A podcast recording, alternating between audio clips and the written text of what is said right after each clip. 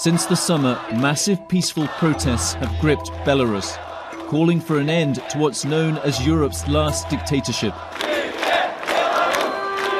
Minsk has never seen anything like this. But the government has struck back.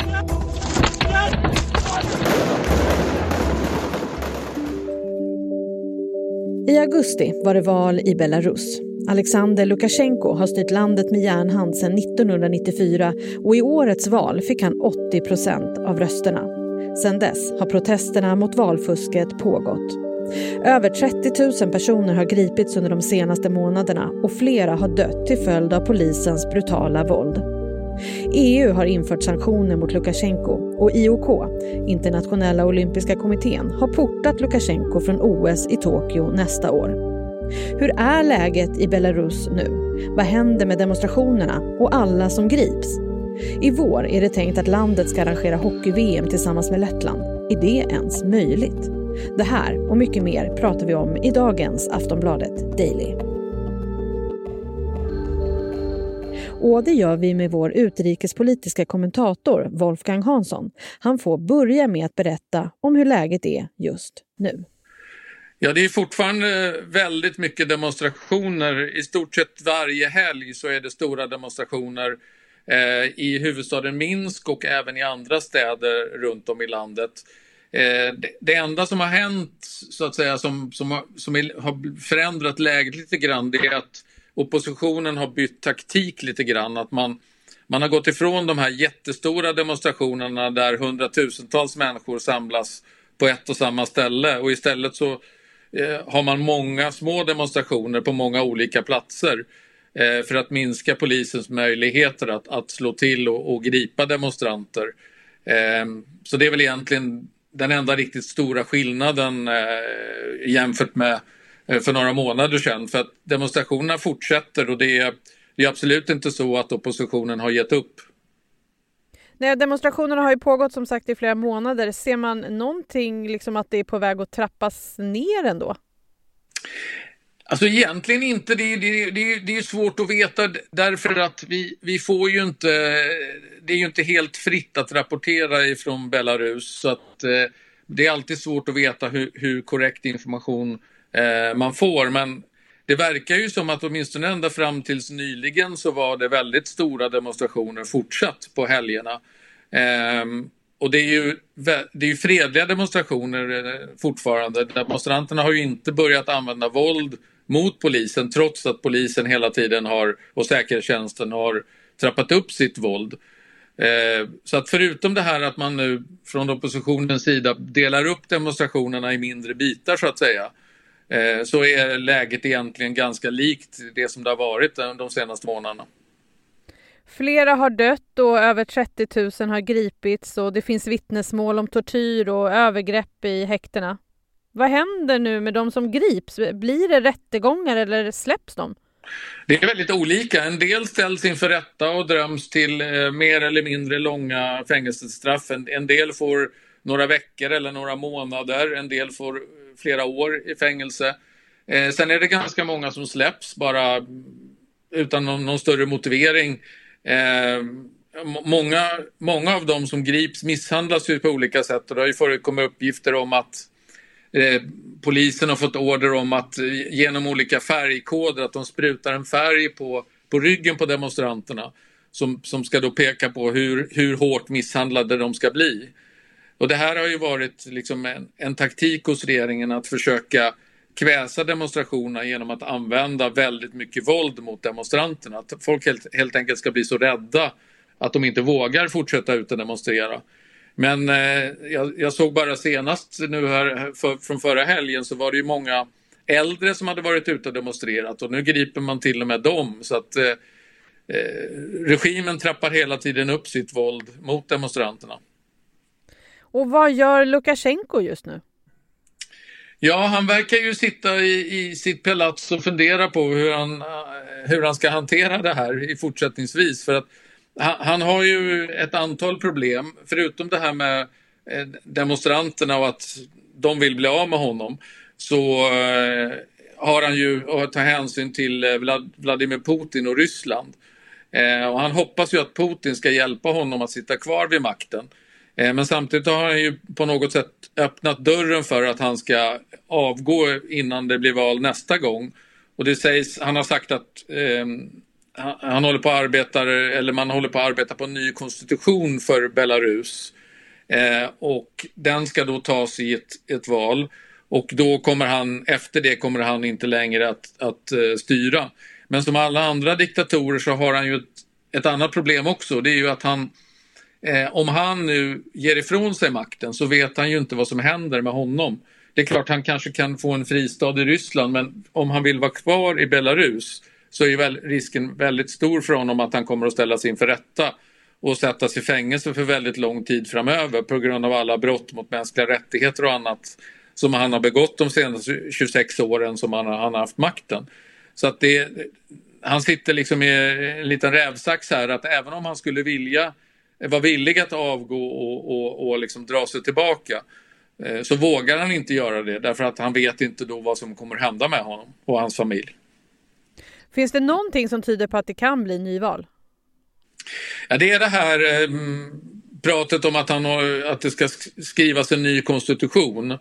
Eh, och det skulle ju ge honom en, en, en ursäkt så att säga att hålla ett nytt val. Och samtidigt är det ju så att skulle det bli ett nyval och ett korrekt val så att säga så är ju eh, risken för honom väldigt uppenbar att han skulle förlora. Och då gäller det ju att han har ordnat en reträttplan innan dess. Och den reträttplanen skulle, ju kunna, skulle han ju kunna få hjälp med av Putin i, i Ryssland. För Putin är inte heller särskilt förtjust i Lukasjenko men samtidigt så vill han inte att, vi, att Belarus ska eh, bli en del av västvärlden så att säga utan han vill fortfarande att Ryssland ska ha en väldigt stor kontroll och inflytande över det som händer i Belarus.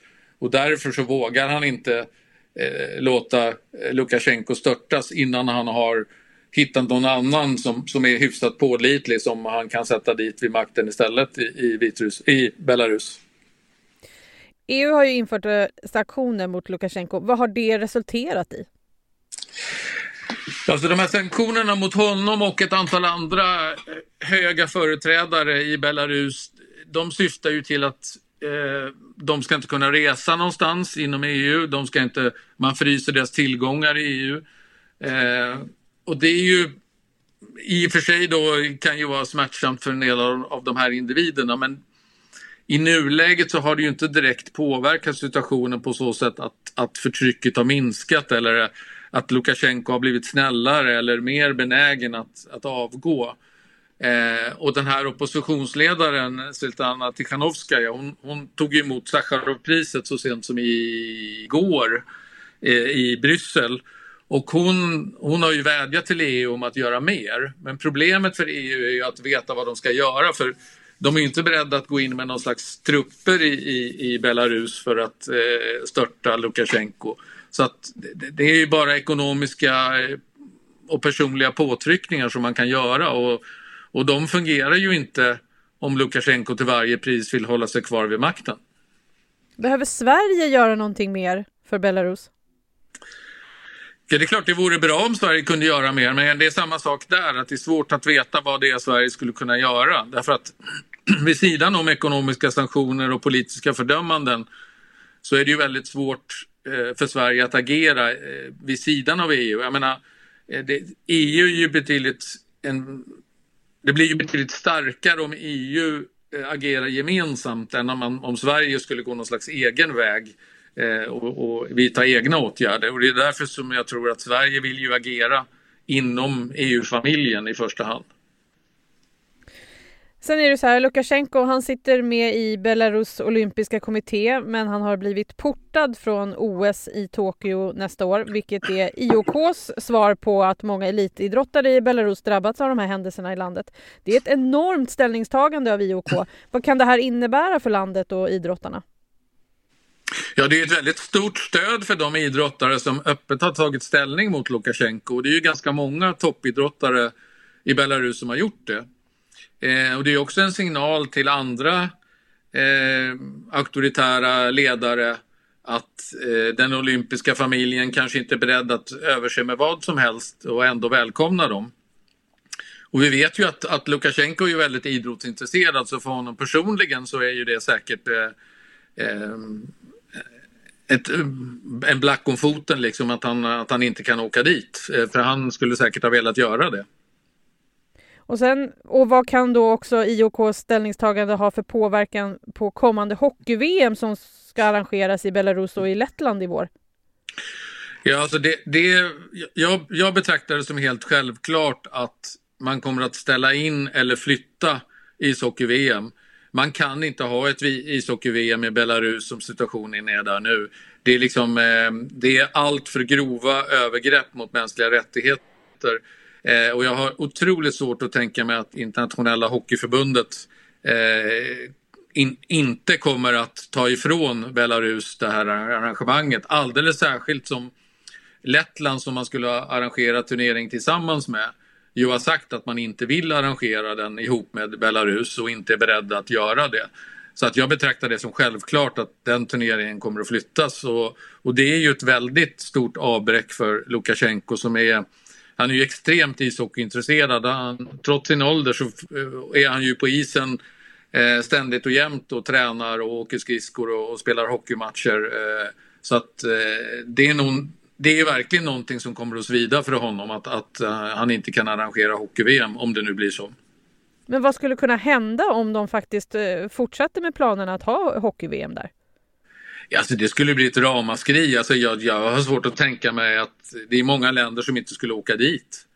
Alltså du kan ju inte spela ett hockey-VM i, i ett land där befolkningen går ut och demonstrerar på gatorna eh, mot en president som har fuskat sig kvar till makten i ett val och som slår ihjäl folk och, och slår folk sönder och samman. Liksom. Det vore ju... Eh, i, alltså 2020 så går det inte att göra sånt. Det, det funkar inte. Wolfgang, vad kommer hända den närmaste tiden i Belarus? Ja, tyvärr är det ju så liksom att det är svårt att se några ljusglimtar. Eh, oppositionen verkar ju väldigt eh, eh bestämd av att man kommer att fortsätta med eh, sina demonstrationer och eh, att försöka eh, på fredlig väg eh, få eh, Lukasjenko att, att försvinna från makten. Ehm, och samtidigt verkar Lukasjenko i nuläget precis lika bestämd med att han tänker sitta kvar och att, och att han är beredd att använda väldigt våldsamma metoder för att lyckas med det. Så det är svårt på kort sikt att se att det skulle bli någon förändring till det bättre i Belarus. Tack Wolfgang. Tack.